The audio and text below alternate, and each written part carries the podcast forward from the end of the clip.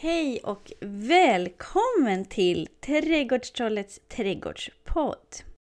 Jag heter Jasmin Vara och det är jag som skriver och driver Trädgårdstrollets trädgårdsblogg som numera också finns som podd. I det här avsnittet får jag lära mig mer om hur man odlar kepalök och lök från frö av Anette Nilsson på Boäng. Anette har odlat i många år och driver bloggen Boäng där hon visar sin fina potagerodling. Hon har också nyligen släppt boken Den blomstrande köksträdgården, potager på svenska. Vi pratar löksorter, sättlök, fröodling, dagslängd, odlingsteknik och mycket mer. Som vanligt blir det en hel del sortnamn att hålla reda på, så fram med papper och penna eller gå in på trädgårdstrollet.se så hittar du en behändig lista. Nu kör vi!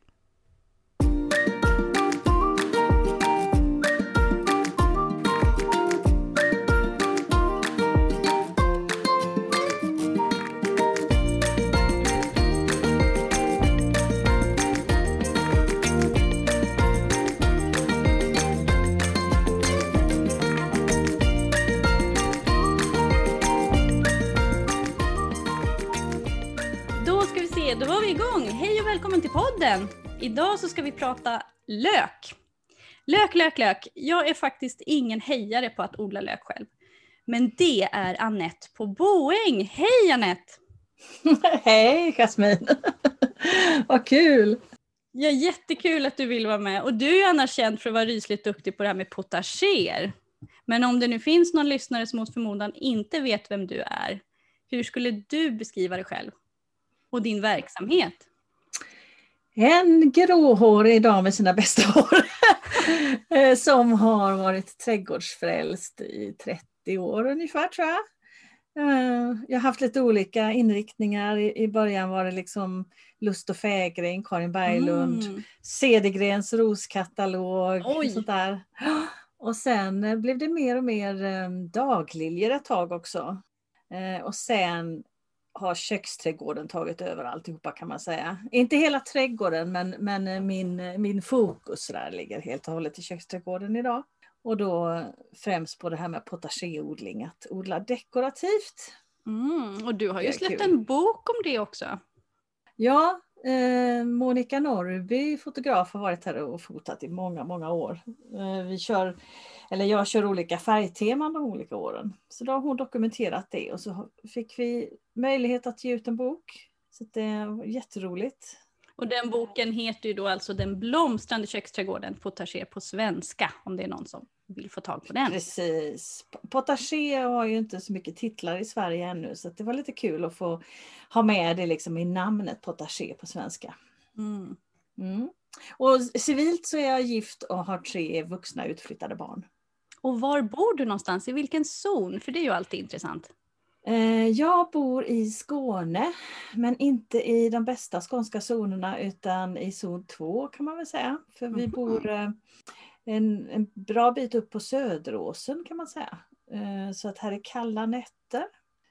Söderåsen ligger lite grann sådär i mittskåne kan man säga. Mm. Och hur odlar du? Odlar du på friland, i växthus, pallkrage eller hur då? Jag odlar eh, på friland och växthus. Eh, Vi har en vinterträdgård också där jag, som jag använder till uppdragningen på våren. Mm. Eh, Det är inte så mycket spetsgardiner och kuddar och sådär i våra...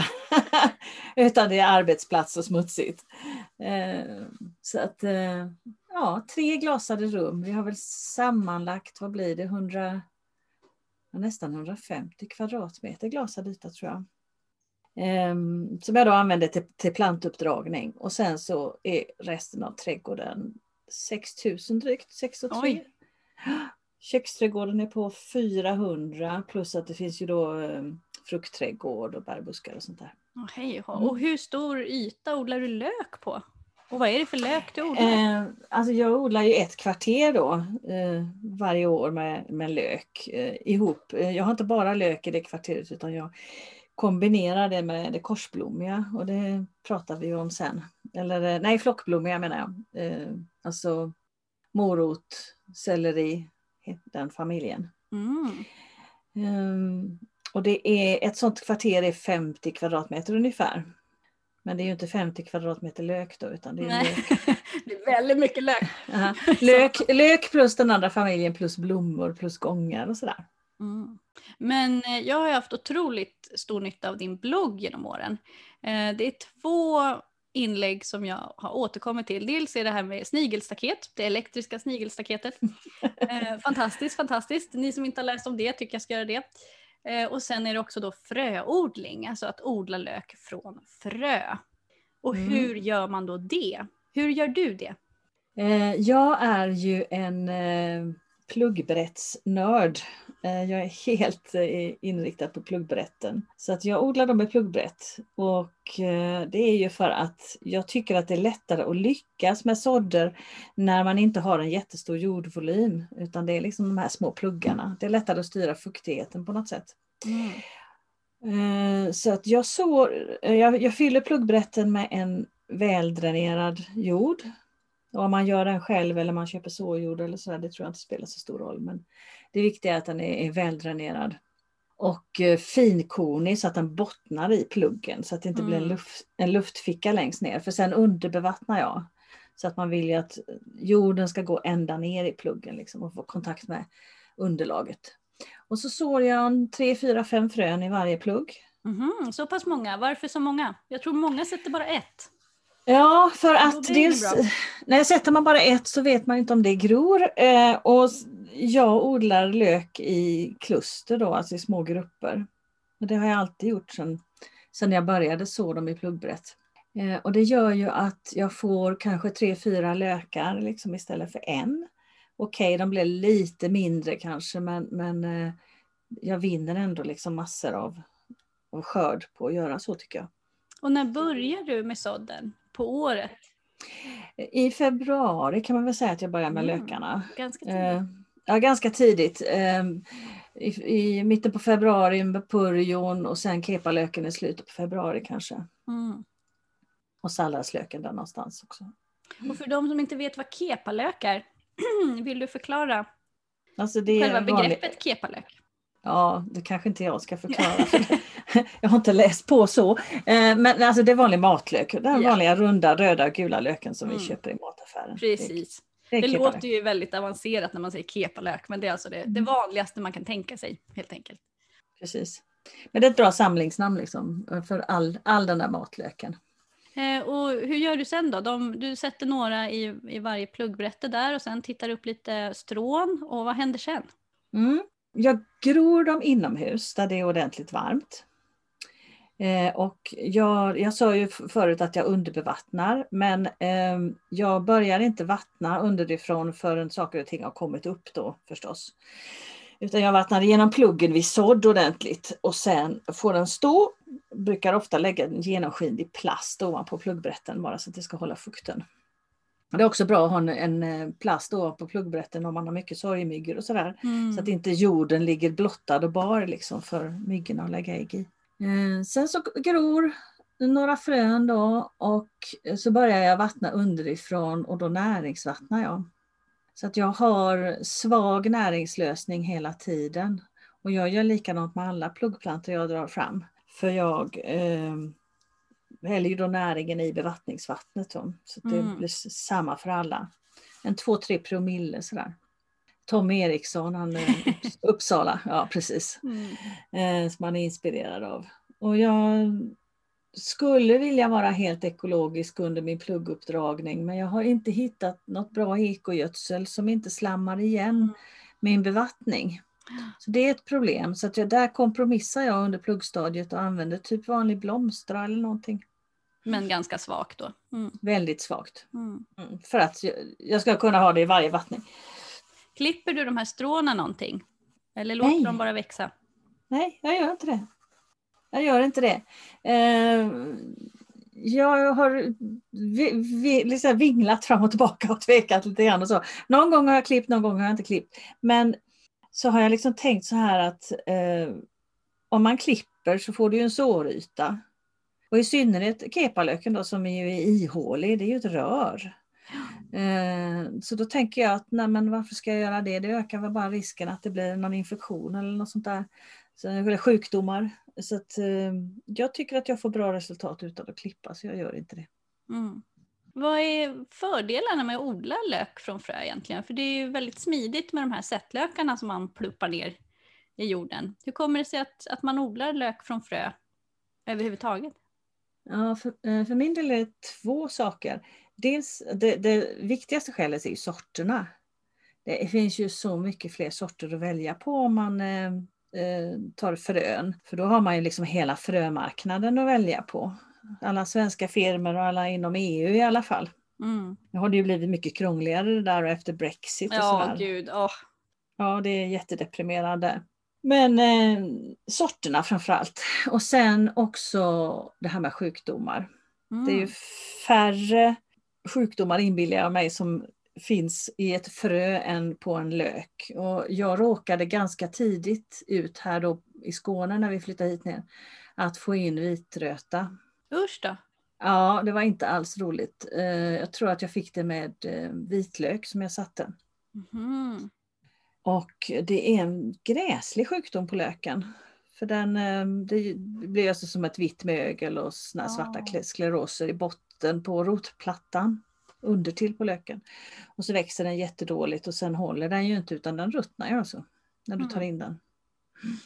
Så det är, ja, det är ett elände. Så att jag försöker att inte ta hit eh, någon lökutsäde överhuvudtaget utan bara återanvända det som är friskt utav mitt eget då när det gäller vitlök till exempel. Då.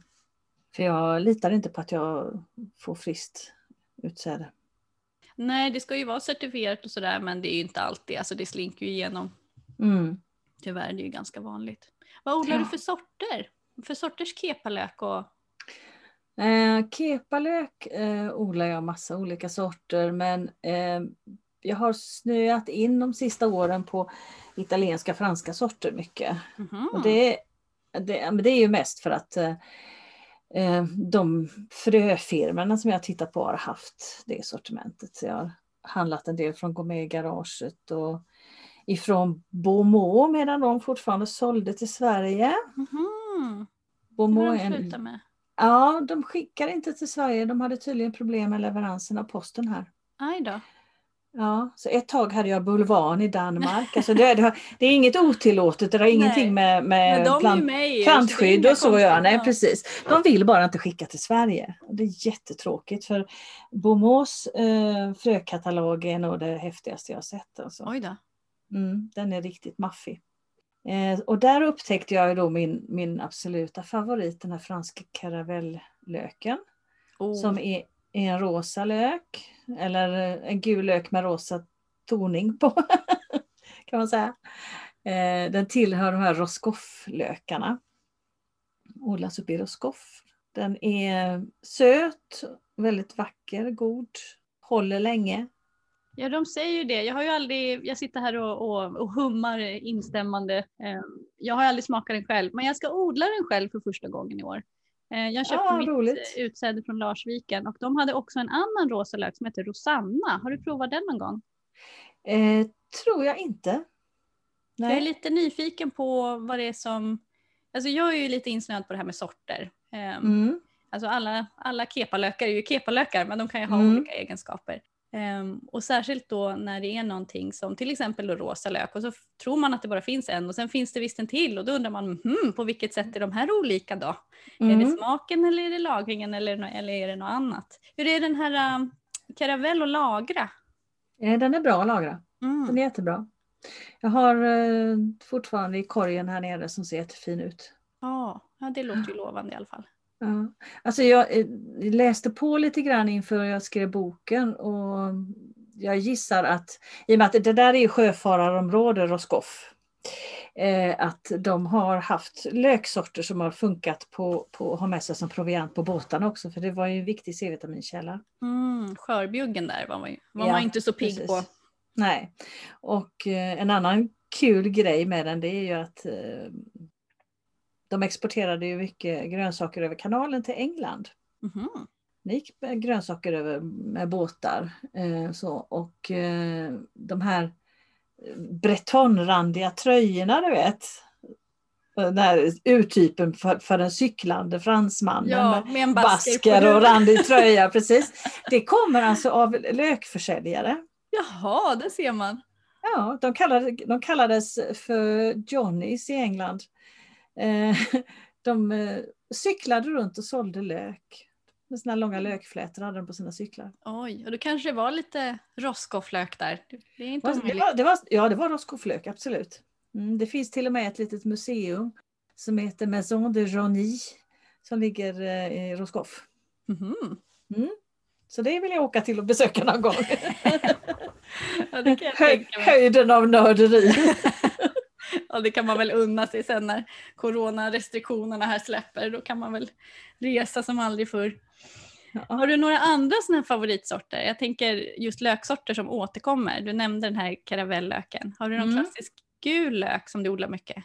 Ja, innan vi lämnar rosa så ska jag nämna att jag har testat en engelsk rosa som jag tror är nyare som heter Isabel Rose. Mhm. Den har, också, den har också varit jättebra. Jag har inte tagit reda på liksom hur den, eh, var den kommer ifrån och hur den är framkorsad och sådär. Men eh, den har hållit minst lika bra, kanske nästan lite bättre än karavellen. Oj, oj, oj. Och, och också sådär söt och god. Mm. Men där får vi ju det här brexit-problemet då. Som Ja. sagt. Så jag hoppas att den går att köpa någon annanstans sen. Isabel, Isabel Rose. Eh, bland de gula har jag odlat Boretana och jag, jag har odlat massor. Ehm, jag odlar eh, den här Walla Walla löken ifrån eh, USA.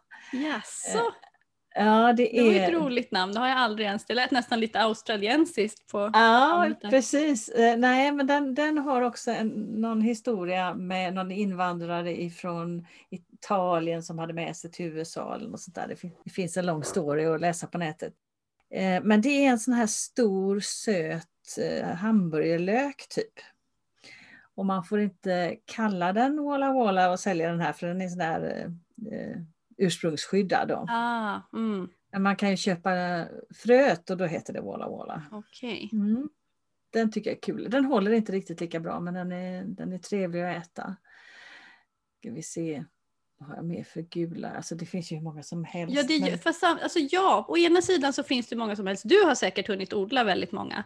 Eh, vad som är intressant när man går in på fröfirmorna och tittar och jämför det är att det är ungefär samma namn som dyker upp.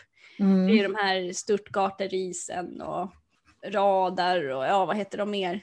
Eh, alltså det är liksom vissa såna här klassiker som, som eh, Elsa Craig och Giant Ja. Stuttgart. Alltså det är liksom, ja. antingen så är det tyska namn och då är det liksom stadigt klassiskt basic.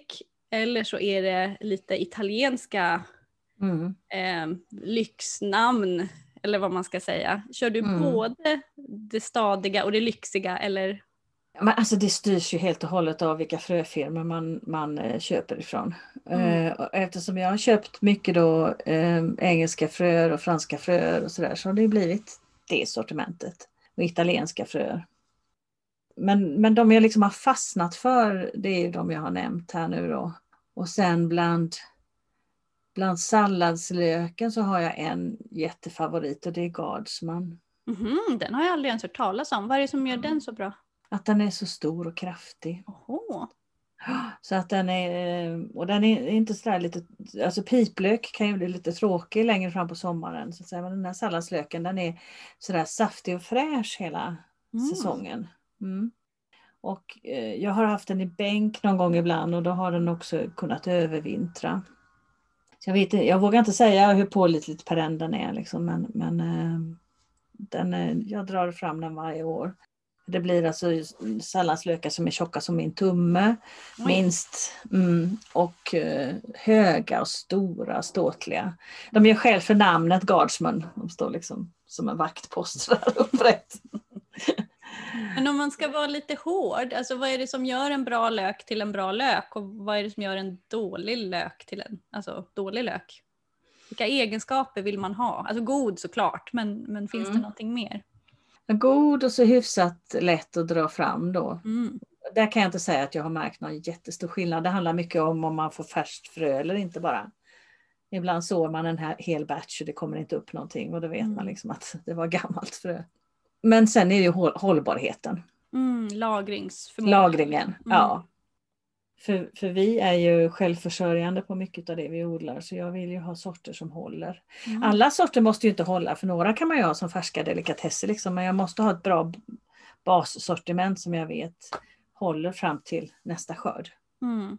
Så då gissar jag att du odlar både gul lök, röd lök, vitlök, salladslök. Mm, Vad odlar du mer för mm. lök?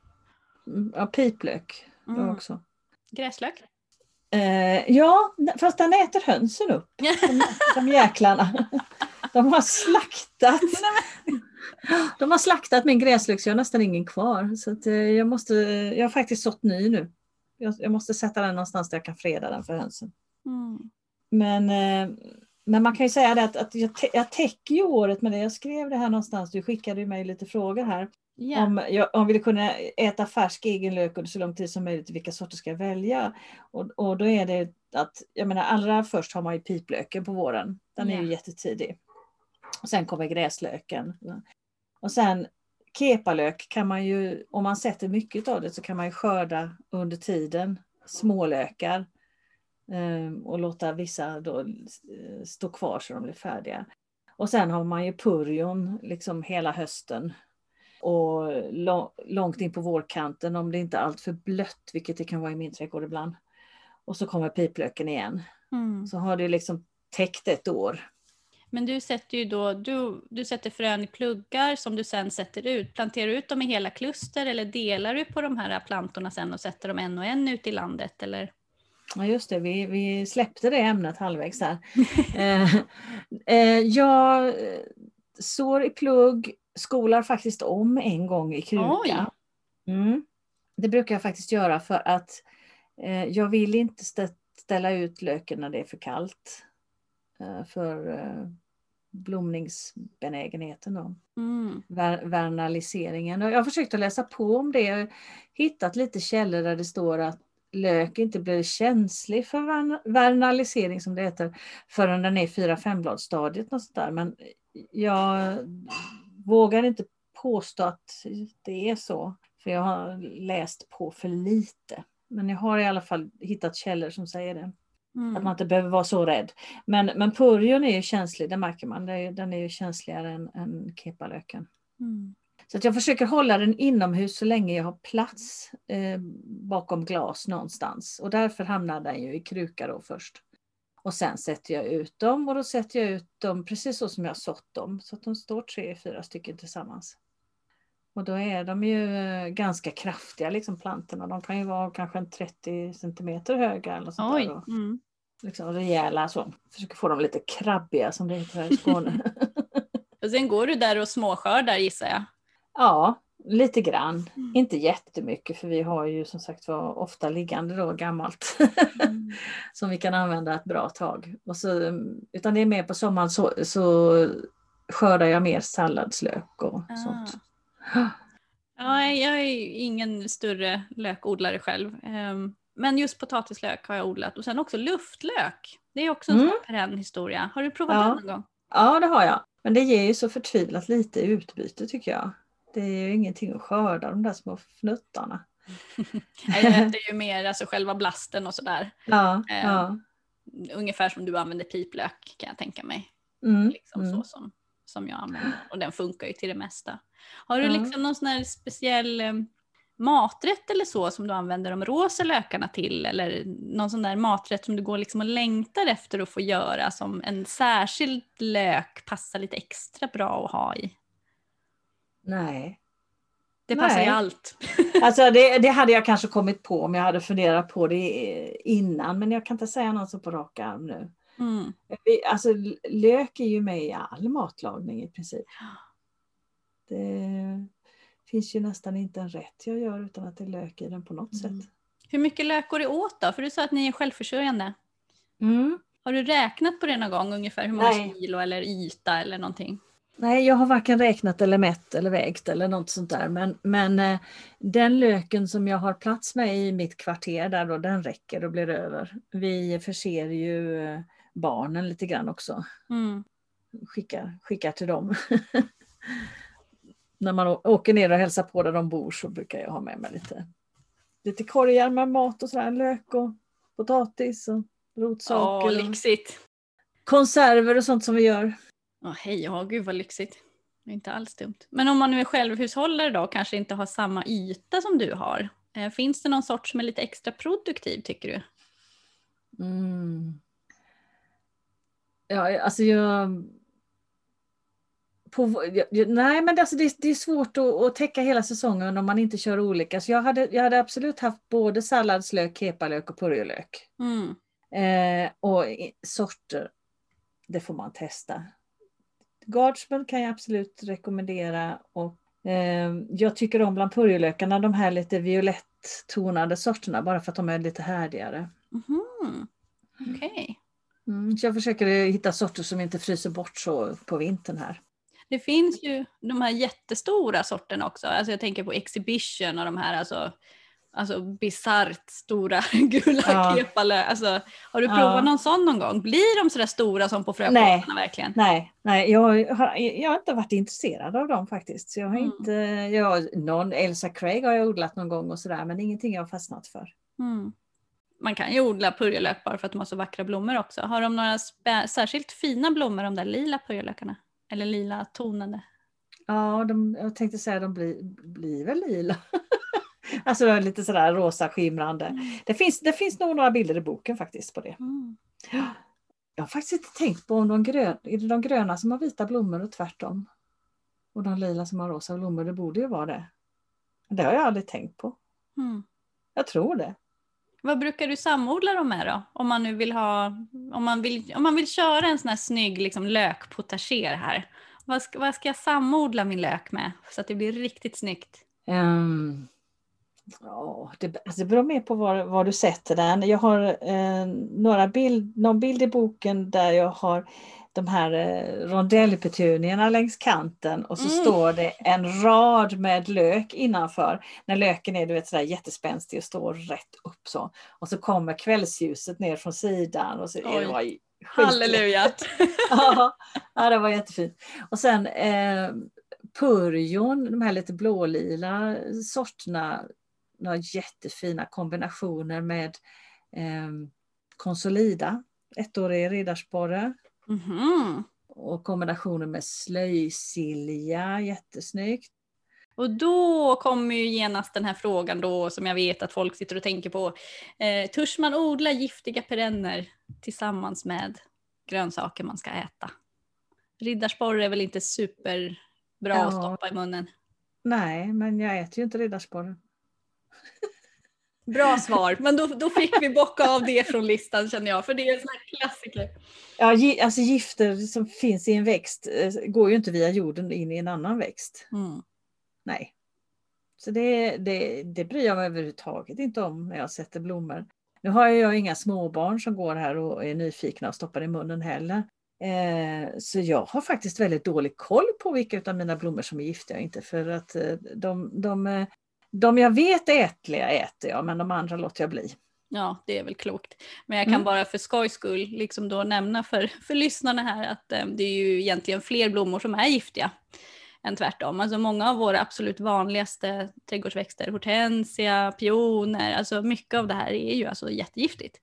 Eh, Så att om man ska ha en helt giftfri trädgård då får man nog nästan ha en trädgård som är gjord av sten därför att då blir det inte mycket kvar om man ska ha alltså, växter som, som bara är ätliga hela växten. Till och med rabarber är ju liksom själva bladet är ju giftigt egentligen. Så att även Mm, ätliga mm. växter har ju delar på sig som man inte alltid ska äta. Så att, Nej, jag hörde, jag hörde, hörde en tråkig historia om, en, om någon som hade gjort grön smoothie på rabarberblad. oh, ho, ho, livsfarligt säger jag. Mm, mm. Aj, aj, ja, aj, det, blev, aj. Det, blev, det blev sjukhusbesök. Ja, man får vara glad för att det var det och inte eh, något värre än så. Alltså att, att det inte var en kyrkogårdsbesök alltså. Usch, Mm, mm. usch vad otäckt. Jag tänker bara morötter också. Om man gnuggar sig blasten på armarna kan man ju få jättetråkiga brännskador. Ja. Så att, Ja, Eller man rensar eh, vårtörel och sätter sig ner på sådana här kvistar som man, eller, eller små, små bitar som man har ryckt upp. Jag lyckades klämma en bit törel mellan vaden och låret. Jag satt på huk. Aj, aj. Ja, och fick två köttsår. Liksom. Nej men gud, aj, fy. Helt, helt barockt. Ihop med solen då förstås. Ja. Det var ju, mm, nej, Nej, det är ju det. Jag har ju fått faktiskt av helt vanlig tuja på armen också någon gång när jag lyft Mm. upp tujor i butik för exponering. Mm. Eh, då hade jag då en vanlig t-shirt på mig och solen låg på och jag fick också såna här saftiga blåsor där sen. Det var, Mm. det var härligt. Så att, Mm. det är inte alltid vår herres hage som är så oskyldigt som man kan tro. Nej, det är inte, det är, allting är inte bra bara för att det är naturligt. Nej, det ska Nej. gudarna veta. Nej, men jag, nej, jag är inte rädd för det här med giftigt för som sagt jag, jag äter bara det jag vet går att äta. Eh, resten har jag till lyst. Eh, och jag tror att också om man går in och tittar på, man brukar säga titta på Giftinformationscentralen. Mm, bra källa. Ja, om det finns rapporterade fall så, så kanske man, alltså många rapporterade fall, då kanske man inte ska ha den ihop med småbarn. Men Mm. väldigt många av de sakerna som är giftiga lockar ju inte till att äta och då behöver man inte vara så orolig. Det finns en liten, jag tycker det finns en överdriven oro ibland för det där med giftiga blommor, att man inte kan ha någonting. Liksom. Mm. Mm. Nej, man får vara försiktig helt enkelt. Det, försiktighetsprincipen är väl alltid bra. Ja. Tänker jag. Ska vi se här. Jo, vi började ju prata lite om lagring här. Mm. Det skulle jag vilja prata mer om. Hur ska man egentligen lagra sin, sin lök bäst? Alltså ofta, jag tycker att det är så intressant därför att jag, man kan ju tro då, jag är utbildad trädgårdsmästare och då tror alla att man kan allt om alla växter. Så är icke fallet. Ehm, man lär sig en grund och sen så bygger man på den brukar jag säga. Och jag har ju då inte odlat så mycket lök så då har jag suttit och googlat mig fördärvad inför då att jag ska odla den här rosa karavellöken. Och då finns det väldigt många olika instruktioner kan man säga. Alltså en del säger då att när löken är mogen så ska man knäcka blasten eller bryta blasten. Mm. Ehm, en del förordar vissa temperaturer, en del förordar andra temperaturer. Hur gör du? Alltså, jag har ju lärt mig, eh, eller läst då, att om man tänker på lökens naturliga förhållanden så har den ju två viloperioder. Mm. Den har ju en sommarvila och en vintervila kan man säga. Eller vad man säger. Jag tänker att jag kan inte efterlikna vinterförhållandena jättebra när jag ska lagra liksom hemma inne. För att eh, jordkällare och sådana utrymmen som vi har då är ju mer vårtemperatur än Ja. vintertemperatur. Precis. Det är ju 5-6 grader sådär. Så där har jag den inte. Och där är också, lite, li- där är också lite för fuktigt. Mm. Utan det jag kan efterlikna är ju sommarvilan. Det vill säga torrt och varmt. Ja. Så då har jag löken i, i köket där jag använder den. Den ligger i, i korgar. Det man får tänka på lite grann om man tar in mycket lök det är ju att den ska ha torkat ordentligt innan. Så att, eh, eh, och om det är någon dålig lök, man får gå dit och, och titta i sin korg då och då och rumstrera om lite grann. Så att är det någon som börjar ruttna så måste den bort innan den har smittat de andra. Mm. Det är väl det, är väl det enda. Och så försöker jag eh, låta att den har torkat upp ordentligt innan jag tar in den då. Jag brukar inte gå runt och knäcka lökblasten, nej. Eh, för att den lägger sig ner av sig själv när den är färdig tycker jag. Så brukar jag då inte låta den ligga jättelänge i landet, men det har ju mer med mina lokala förhållanden att göra. Tänker du på hönsen här nu igen? Ja, nej, dit får inte hönsen gå på sommaren. Eh, vi håller dem faktiskt utanför köksträdgården precis under odlingssäsongen. Nej, ehm, utan det är att jag odlar så tätt så att det blir fuktigt. Jag har också väldigt humusrik jord så att den är också fuktig. Så jag försöker att eh, när löken börjar lägga sig då tar jag upp den och så får den ligga och eftertorka inne i vinterträdgården. Mm. Mm. Eller att, eller att jag hänger upp den under takfoten eller något sånt där. Mm. Det beror lite grann på hur mycket jag har att ta hand om. Vad kan det vara för temperatur där ungefär? 30 plus? Eh, jag, försö- jag försöker hålla ner det till 25 så genom Mm. att vä- vädra mycket och, så, och kalka. Mm. Vi, kal- vi kalkar glasen så att den ska bli så hett. Ah, okej. Man kan ju tänka annars då att, att om hönsen hade fått knalla runt där i köksträdgården och bajsa lite, att det kanske hade varit lite bra med hönsgödsel där. Vad gödslar du dina lökar med för någonting? När de är ute i landet? Eh, när löken sitter i landet gödslar jag inte med någonting. Eh, Mm. utan jag gör all gödsling innan jag planterar. Och då är det vad då du använder? Hästgödsel. Okej. Mm. Har jag hönsgödsel eller strö från eh, hönsgården och så där så kan jag använda det och blanda ut också. Eh, absolut, men eh, det är ju inte sådana mängder som jag behöver till hela köksträdgården. Mm. Men du grundgödslar liksom och sen får det räcka? Ja. För du har så pass bra jord? Ja, jag har bra jord och jag, gräver, jag kör ju den här gamla engelska dubbelgrävningsmetoden. Eller jag på säga, nu dubbelgräver jag inte längre för det måste jag inte men jag gräver ner gödseln. Mm. Jag gräver fortfarande min jord. Fast det är lite omodernt att göra det nu så gör jag det. Eh, för att jag lägger ner eh, brunnen hästgödsel under så att säga det lagret jag planterar i. Eh, och då har jag kanske 5-10 cm tjockt med hästgödsel som ligger där under och sen jorden ovanpå. Och då varar det hela odlingssäsongen så jag behöver inte gödsla mer. Det, om, om jag gödslar en gång till, eh, det kan hända att jag gör det om jag har skördat slut någonting så jag har fått en helt tom yta där jag ska sätta ut nytt, till exempel salladslandet eller sådär. Då kan jag lägga lite typ hönspellets eller något sånt där, där inför andra kulturen då. Mm. Mm. Tillämpar du någon slags växtföljd på löken eller? Ja, oh ja. Eftersom jag har den här vitrötan då så är jag Mm. jätte, jättepetig med löken. Hur många år har du ungefär emellan? Eh, Jag har en sexårig växtföljd. Mm. Hela köksträdgården är en sexårig växtföljd. Okej, så då roterar du allting så att det inte... Mm. Jag roterar allting på sex år och jag är, lite extra petig med lök och kål och sånt. Eh, Kan synda lite grann med ärtor och bönor ibland beroende på vilka eh, växtställningar och sånt där jag har för särskilt de höga grejerna att, Mm. att växa på. Ja, gud, och vitlök kan ju verkligen drabbas av tråkigheter som, Ja, som ligger kvar länge. ja och eftersom den eh, var, blev smittad här och jag fick den här vitrötan så får inte vitlöken vara med inne i köksträdgården överhuvudtaget. Den är förvisad. Nej, men du odlar ingen sort alls längre? Jo, Men jag, annan men plats? på andra ställen. Jag flyttar runt den i trädgården och jag brukar göra i ordning liksom små eh, pallkragar eller någonting annat och så får den flytta runt överallt. Mm. Den får inte vara i köksträdgården. Vad har du för sorter? Har du samma sorter som du återkommer till eller byter du? Med vitlöken? Mm. Tänker om du föredrar softneck eller om du föredrar hardneck eller vad du... Ehm, Jag har haft en lång hardneck-period när jag nästan bara har odlat det. Men nu sista åren har jag börjat odla en del softneck också. Eh, mera. För att... Jag, jag fick bra utdelning av Sabba Gold. Mm. Så då har jag tagit den igen. Och sen har jag de här estnisk röd och, och Alexandra och några andra sådana. Mm.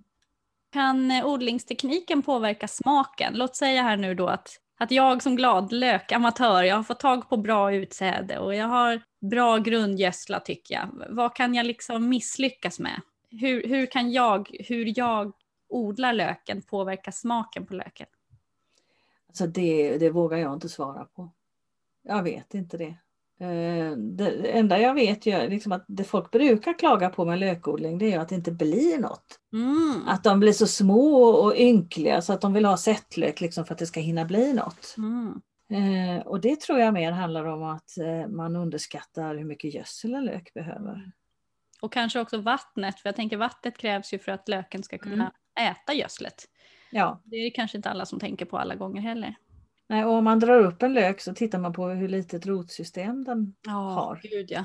mm. I förhållande till kroppen liksom. Mm. Ja, precis. Det är helt Att, sjukt egentligen när man tänker på det. Och nu är det kanske så att det finns ju massa fina tunna rötter liksom, som man inte får med upp eh, som är liksom längre och större än det man ser. Men, men eh, litet rotsystem i förhållande till löken, absolut.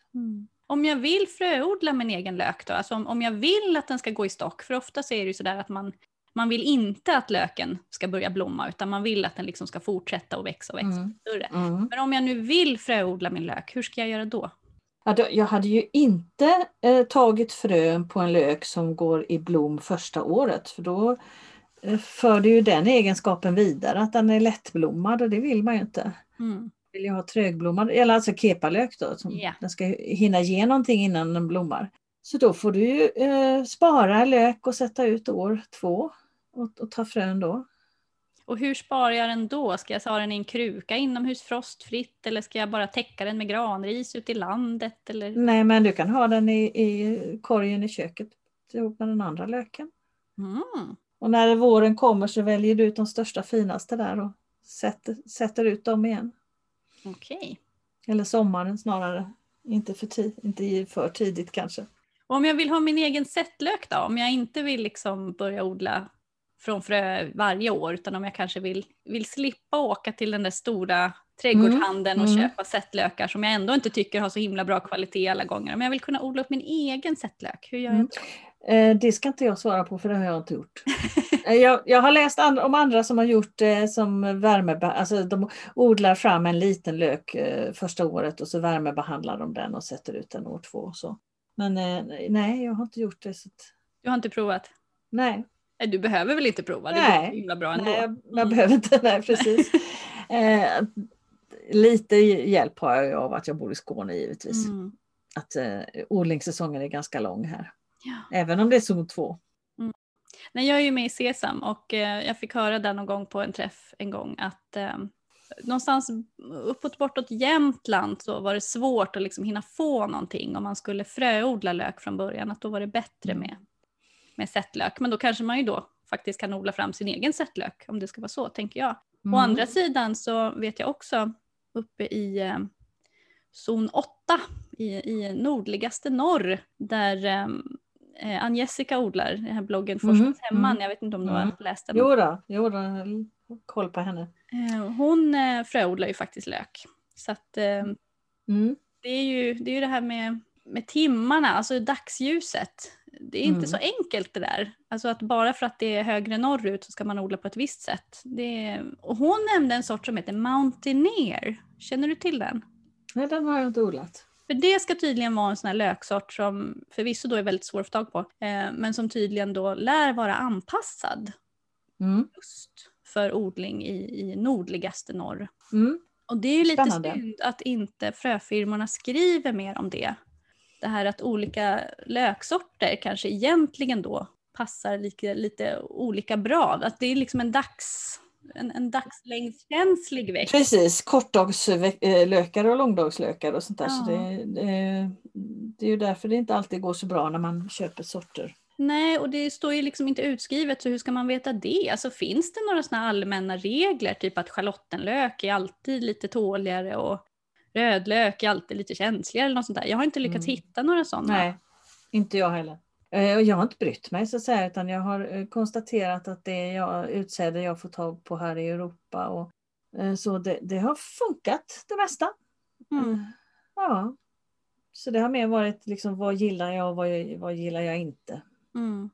Har du någon favorit schalotten eller någon favorit liksom vitlök eller silverlök eller sådär du vill tipsa om? Nej, nej eh, det, jag, jag har inte blivit eh, så liksom intresserad av dem eller biten av dem. Jag har odlat schalottenlök några gånger men det är som sagt jag är sämre på det där som ska eh, sparas och, och så. Jag är duktigare på så. Och det tycker jag är fascinerande därför att de allra flesta tycker att det är mycket lättare att sätta saker på hösten. Alltså det är många som upplever att det är Mm. enklare att liksom bara sätta ner saker på hösten. Alltså det finns ju Mm. sådana lökar. Tänk Ja, den här Sensu mm. Yellow och Radar och allt vad de heter. Det finns väl till och med någon som kallas för, för eh, vinterlök. Inte om det var Shakespeare eller om den också var en Mm. höstlök. Alltså jag, jag tror att det har att göra med vårt klimat här för att här kan ju regna några kopiösa mängder på vintern. Mm. Så att jag har ju problem med övervintringen. Ja, du Jag kan tänker ju- att det ruttnar liksom? Ja, ja visst. Mm. Jag, jag, alltså, om man tittar på temperaturerna så borde ju all purjo och kol och allting stå kvar här ute i landet och må jättebra på våren. Men det gör den inte för att det blir för blött. Mm. Så att eh, väldigt mycket ruttnar ju alltså bort Mm.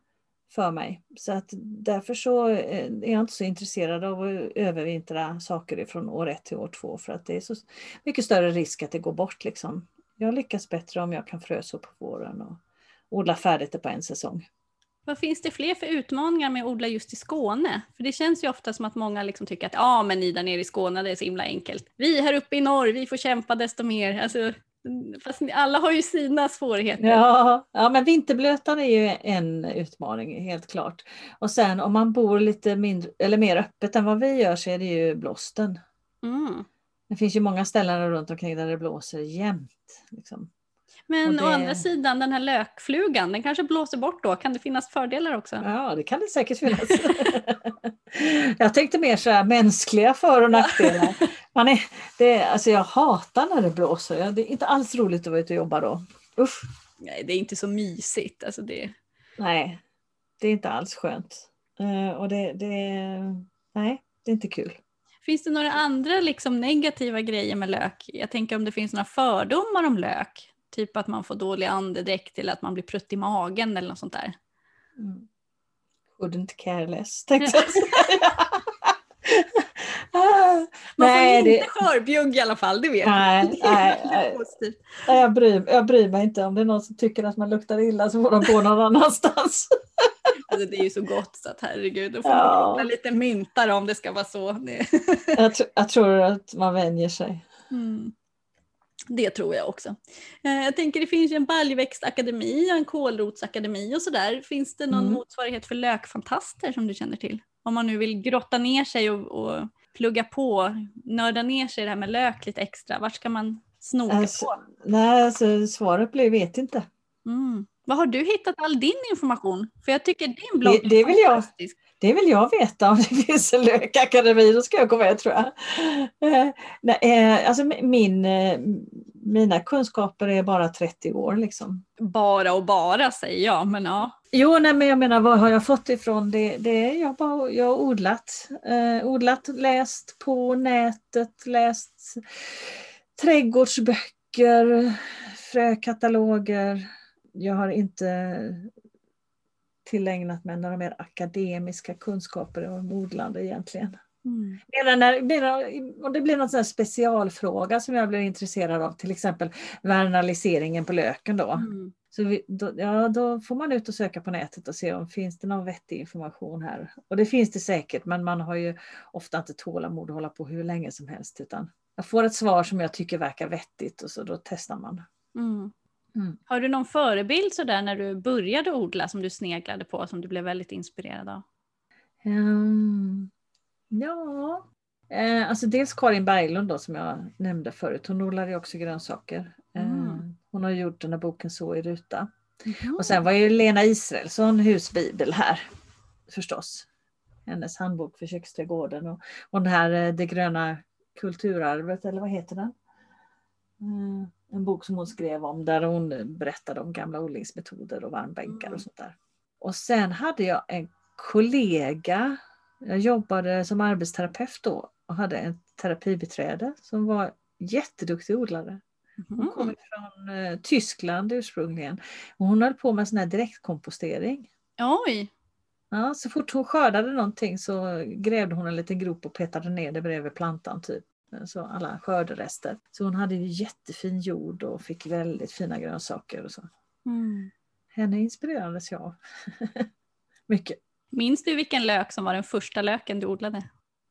Vilken sort? Nej, nej, det var säkert en sättlök i påse ifrån det stora växtvaruhuset. Vars namn vi icke skall nämna. He who, his, nej, vad säger de i, i Harry Potter? Voldemort där.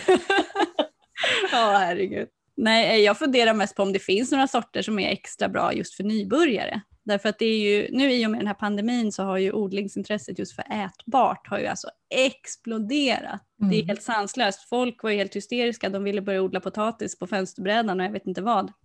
De ville ha äppelträd i vardagsrummet. Det, det blev liksom panik där. Och då är det ju många som odlar mat för första gången och då är det ju särskilt som nybörjare så är det extra kul om man faktiskt lyckas, att man vill fortsätta odla. Mm. Vad ska man då ta till om man vill odla lök som nybörjare? Sättlök vilken som helst eller har du någon som du tycker är lite extra bra? Alltså, när det gäller sättlök har man ju ofta inte så mycket att välja på. Utan man får ta det som finns i affären. Ja. Så det är ju ingen idé att säga att du ska odla det eller det eller det som sättlök. För det finns ju oftast inte. Nu har ju faktiskt karavell då, min lilla favorit, kommit som sättlök. Mm. Eh, Så den finns ju hos vissa firmor. Ja. ja, jag hade ju Ja. tur. Jag fick ju tag på den där. Jag vet inte om den Ja. finns kvar nu, men, men jag, jag var snabb. Ja. jag var snabb. Det, alltså det viktiga är ju att odla sånt som man tycker om att äta. Mm. Att det, att det blir gott när man är färdig. Liksom. Ja. Så att man tycker att man har gjort ett bra jobb och man blir sugen på att göra om det. Ja, nej men det ska vara värt det liksom. Ja precis och jag, jag tror det vanligaste problemet är att det är för dålig jord och som du sa kanske för lite vattning då. Mm. Att man tänker på det att det blir ingen lök om det inte är ordentligt. Liksom, om den inte har bra förutsättningar. Mm.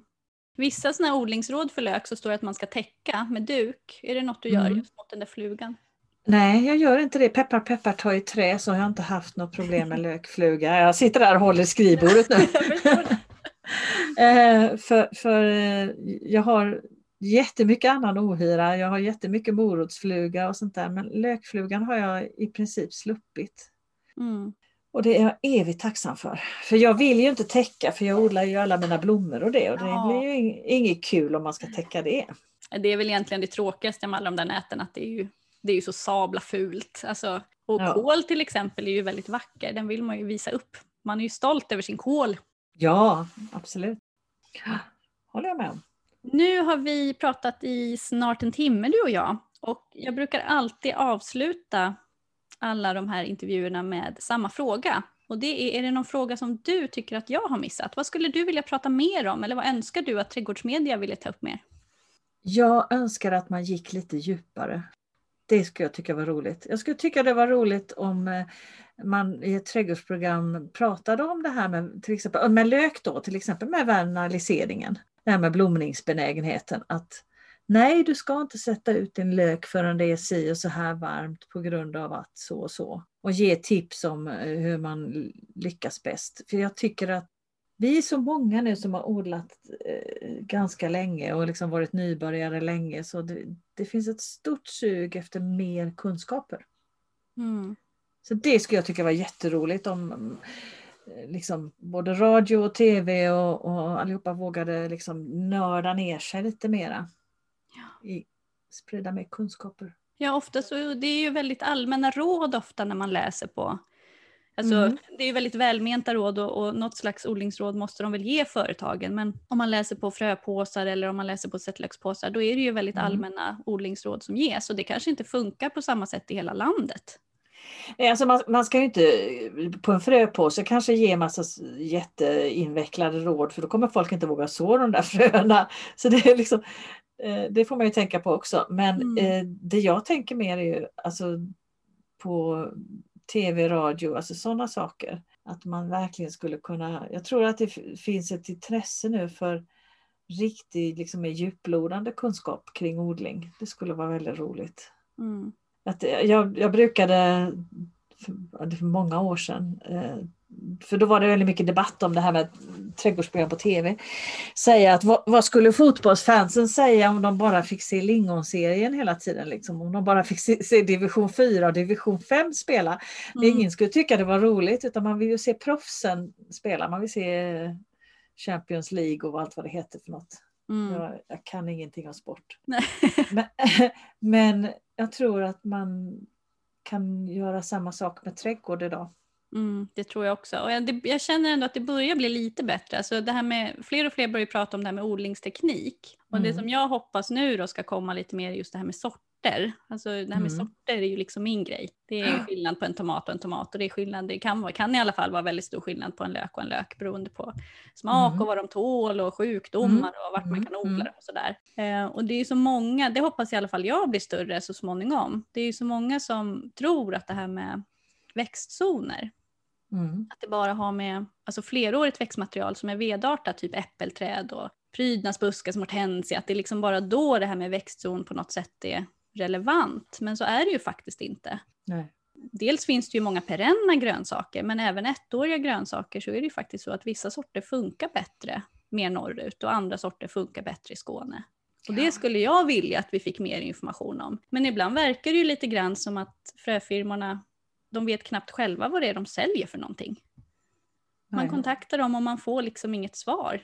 Ja, den är härdig får man som svar, men man får inget svar på men hur härdig? Hur, alltså vad, vad har den för historia? Var kommer den ifrån? Vilken kontext? Alltså, Ja. Ja, men ofta, ofta är det väl så att eh, lokala förhållanden kan skifta väldigt mycket också. Jag kan ha en blöt jord och du kan ha en torr jord och, och eh, mikroklimat och vindar och så här. Mm. Så eh, det, det är mycket som spelar in så att det kanske är svårt att ge råden. Men eh, absolut att eh, man ska sprida bra sorter. Mm. Prata, prata om det som har gått bra hos mig och så kanske någon annan testar och det kanske inte går bra hos dem men de har i alla fall fått en chans att upp, upptäcka en bra sort. Och, och jag, jag tänker mycket nu när jag väljer sorter liksom, att jag försöker odla saker som jag inte kan köpa. Mm. Alltså, eh, lite nördat in mig mer på delikatessspåret. Mm. Att jag vill ha rosa lök och när jag odlar brytbönor så vill jag ha de tunnaste brytbönorna jag kan hitta för de är godare än de tjocka som gärna blir lite trä, träigare. Liksom. Mm. Och jag vill ha potatis så köper jag inte, jag odlar inte ens amandin och dem längre för de går att köpa i affären utan jag odlar Mm. sorter som jag inte kan köpa för att det är roligare. Som vad då? Nu blir jag ju jättenyfiken såklart. Ja, eh, min största favorit är Anja, den har jag tjatat ihjäl mig om på bloggen bland annat. Det är en korsning mellan Pink for Apple och Desiree. Oho. Pink for Apple vet jag att det är många som har som sin favorit. Så att om Ja, man precis. korsa den med något så låter det väldigt lovande. Ja, de gjorde det för att få den lite mer eh, sjukdomsokänslig. Så att säga. Mm. Har du provat någon rosa potatis då? Eh, ja, det har jag gjort, men jag har inte hittat någon som jag är jättefastnat för ännu, för jag tycker de är lite för mjöliga oftast, de rosa och blå. Jag tycker om fastare potatis. Jag odlade en fransk de- delikatesspotatis som heter eh, Beaumont eh, Noir Motier. Som ska vara någon sån här världens dyraste potatis när den kommer ifrån ön Noir Motier i Äh, Frankrike. kära någon. Men då, då, då ska den odlas i sandjord med tång och så här, du vet jättespecial. Jag kan säga att här blev den ingen höjdare i min blöta lera. Ja, där ser man vilken Ja. skillnad det gör alltså. Mm. Ja, det gör det. Så att, eh, men eh, det är ju det som är kul, det är ju att hitta de här små guldkornen och testa dem. Mm. Och att om de nu blir bra att man också kan förklara varför man tror att det blev bra. Eller om det nog blev Mm. dåligt varför det kanske inte Mm. blev så lyckat. Absolut. Kul att få prata lök med dig. Jättetack för att du ville vara med.